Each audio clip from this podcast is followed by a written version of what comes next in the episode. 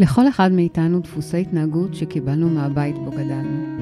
חלקם טובים, חלקם פחות, וכולם משפיעים על מי ומה שאנחנו בחיים ובזוגיות. עד לרמה שכשאתה משנה את התנועה שלך, התנועה של הסביבה משתנה. ולכן, בכל פרק נדבר על משהו שאני מקווה שייתן לנו תובנה קטנה או כלי לקחת לדרך. והפעם... אז לכבוד ט"ו באב, פרק קצר על למה אנחנו צריכים שיזכירו לנו לאהוב, וגם קצת על מחוות של אהבה. ט"ו באב היום, ואני שומעת כל הזמן אה, משפטים כמו למה אני צריך אה, לחגוג, אני אוהבת כל יום, אני אוהב כל יום. חלק מהמשפטים האלה נאמרים בציניות, וחלק נאמרים ממש ברצינות. עכשיו, אני יכולה להבין אנשים שהם חשדנים כלפי אה, כל מיני ימים מיוחדים שבהם צריך, במרכאות, לאהוב. כמו היום. ימים כאלה שגם מכתיבים לנו איך לאהוב. זר פרחים, שוקולדים בצורת לבבות ועוד כל מיני מוצרים שהמשווקים שלהם מציעים לנו כסימן לאהבה. שהקשר בינם לבין אהבה דומה לקשר שבין עלות הייצור שלהם למחיר המופקע שבו הם מוכרים אותו. יחד עם זאת, אם אנחנו נסכים שהבעת אהבה לא מחייבת להיעשות דרך רכישת מוצר כזה או אחר, הרי שימים כמו היום שמבקשים מאיתנו להביע אהבה ולחגוג אהבה, יש בהם משהו יפה. לכאורה ימי אהבה הם מיותרים, הרי כל מי שיש לו אהבה אמור לאהוב בכל יום, ולא זקוק להוראה מגבוה לאהוב דווקא היום. בפועל, אנשים בזוגיות שהיא ארוכת שנים בדרך כלל, זקוקים לפעמים לתזכורת קלה שלא מספיק להרגיש אהבה, שצריך גם להראות ולהפגין אותה.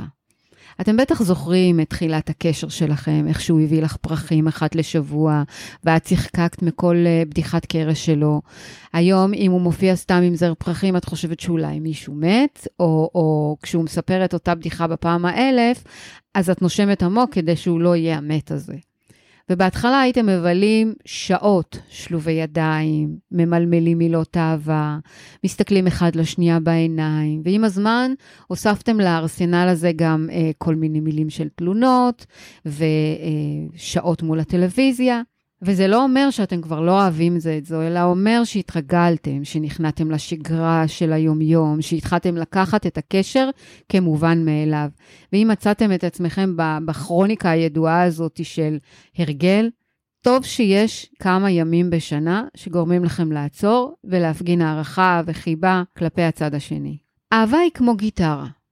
אם אנחנו לא עוצרים לכוון אותה מדי פעם, היא מתחילה לזייף, ואז מה שקורה זה שבן הזוג הופך לאדם זר, שמבלגן לך את הבית ומשאיר לך גרביים מפוזרות בכל מקום.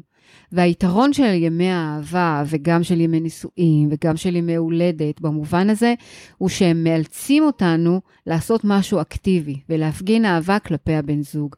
השאלה שאני שואלת את עצמי היא האם זה מספיק. הרי אהבה היא לא, היא לא משהו שיצרנו ומהרגע הזה מספיק לתחזק אותה אחת לכמה חודשים. אהבה צריך לתחזק באופן יומיומי.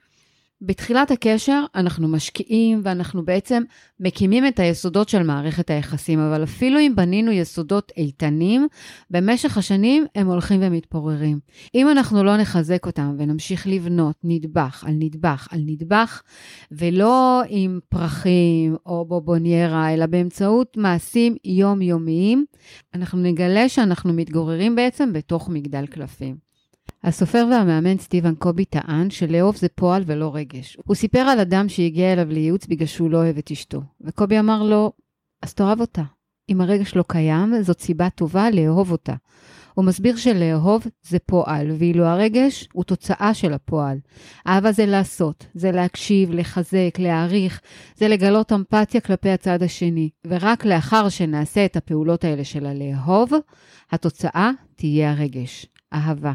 לכן למעשה, אהבה היא פעילות אקטיבית יומיומית, ושאנחנו עושים אותה מתוך בחירה מודעת. היא משהו שאנחנו יוצרים באמצעות מעשים שמטיבים עם הצד השני, ולא משהו שקיים או לא קיים שם.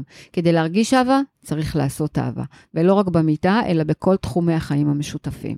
להביא זר פרחים לאהובתך או לאהובך, היא בעצם פעולה אקטיבית שדרכה אנחנו מייצרים אהבה, מכיוון שמה שעומד מאחוריה הוא לתת הערכה. זוג יכול לאהוב באמצעות כל מיני פעולות. כל אחד יכול לעשות את זה באופן שמתאים לו. ומה שמתאים לזוג אחד לא חייב להתאים לזוג אחר.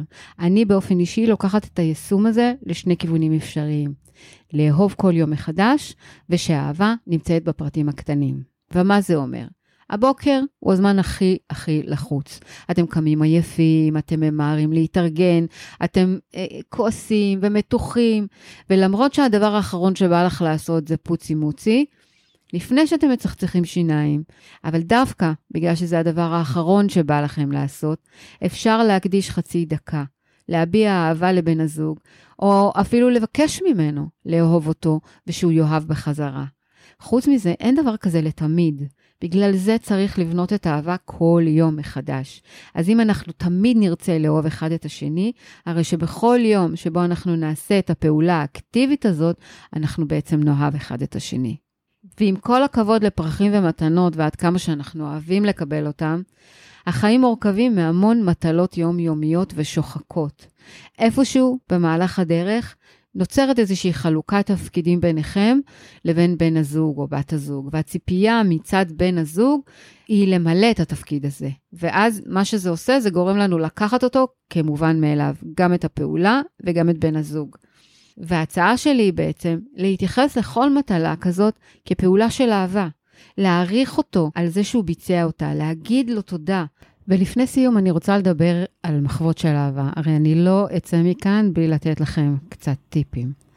מחוות של אהבה מחזקות את השרירים החיוביים שלנו, ואפילו יש מחקרים שאומרים שהן מחזקות את ההורמונים החיוביים האלה, אלה עם השמות המפוצצים, כמו סרטונין ואדרופינים, ואם הן מחזקות את ההורמונים החיוביים האלה, הרי שהן גם גורמות לנו להפחית לחץ, לשמור על לחץ דם נמוך ולחזק את המערכת החיסונית, וגם להרגשה טובה אחד עם השני, ולכן לעודד אותנו בעצם לעשות עוד מחוות ומחוות של אהבה. אז אם כך, למה שלא תעשו עוד מחוות של אהבה? כי כל מחווה שכזו בעצם מחזקת את הקשר הזוגי, וזה מה שחשוב לנו, נכון?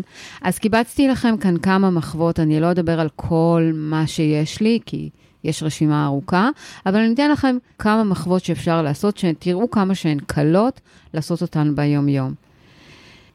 אחד זה להתקשר, להגיד שאתם אוהבים, סתם ככה באמצע היום. להרים את הטלפון, סליחה, לא, לא מרימים את הטלפון, מזיזים את האצבע, כי כל אחד אוהב לשמוע שאוהבים אותו, ועד כמה שזה נשמע פשוט ודבילי, זה עושה המון. בלי לשוחח על הילדים ובלי לשוחח על קניות, פשוט להגיד, אני אוהב, אני אוהבת. הדבר הבא זה להוסיף מוצר רק בשבילו. אתם בסופר, אתם בקניות, תשימו בעגלה משהו שהוא אוהב, משהו שהיא אוהבת. זה פשוט יעשה טוב לדעת שאתם חושבים עליהם. הדבר הבא זה להתעניין, להתעניין במה שהוא אומר, להתעניין על ידי זה שאנחנו בעצם מישירים מבט אליו לעיניים, אנחנו מתקרבים קרבה פיזית, אנחנו מראים שאנחנו מקשיבים ושאנחנו מתעניינים. אין כמו הרגשה כזאת. נשיקות, לנשק אחד את השנייה לפחות פעם אחת ביום, כשאתם נפרדים בבוקר, כשאתם נפגשים בערב, ואל תוותרו על הטקס הזה, גם אם אתם כועסים. הטקסים האלה הם ממש ממש ממש חשובים. מגע. גם אם שפת האהבה שלכם היא לא שפה של מגע, אנחנו דיברנו בפרק הראשון על שפות אהבה, מי שלא הקשיב תחזרו אחורה. שימו יד על בן הזוג שלכם. גם סתם ככה כשאתם חולפים על ידו, כשאתם קמים בבוקר מהמיטה, רק כשהוא ירגיש אתכם וכמה שאתם אוהבים. המגע הקטן הזה, שכאילו בשבילכם אין לו משמעות, יש לו משמעות ענקית.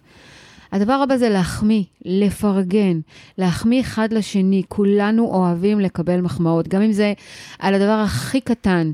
וזה פשוט מאפשר לנו לדעת שלא הכל מובן מאליו. בסך הכל, מחמאות עושות הרגשה טובה, ואם תעשו את זה ליד חברים, ליד משפחה, זה יעשה פי כמה וכמה. לתכנן דייט בהפתעה. ארגנו בייביסיטר, תוודאו שבן הזוג גם פנוי, תודיעו לו רק מספיק זמן לפני כדי שהוא יתארגן. אל תספרו לאן הולכים, פשוט הפתעה זה תמיד תמיד רומנטי. אי אפשר לצאת? חכו שהילדים יירדמו, הכינו ארוחה רומנטית, גם אם זה טוסטים וסלט, עצם הכוונה יגרמו לצד השני להתלהב ולהתרגש. אז אני מאחלת לכם שתמצאו את הרגעים הקטנים האלה ותזכרו שמחוות קטנות גורמות להורמונים החיוביים לחזק את המערכת החיסונית. אז תחזקו אותה דרך הלב. ט"ו באב שמח. ואם אתם רוצים לשמוע עוד טיפים על זוגיות, בואו לאינסטגרם שלי, שם יש עוד מהטוב הזה. ביי.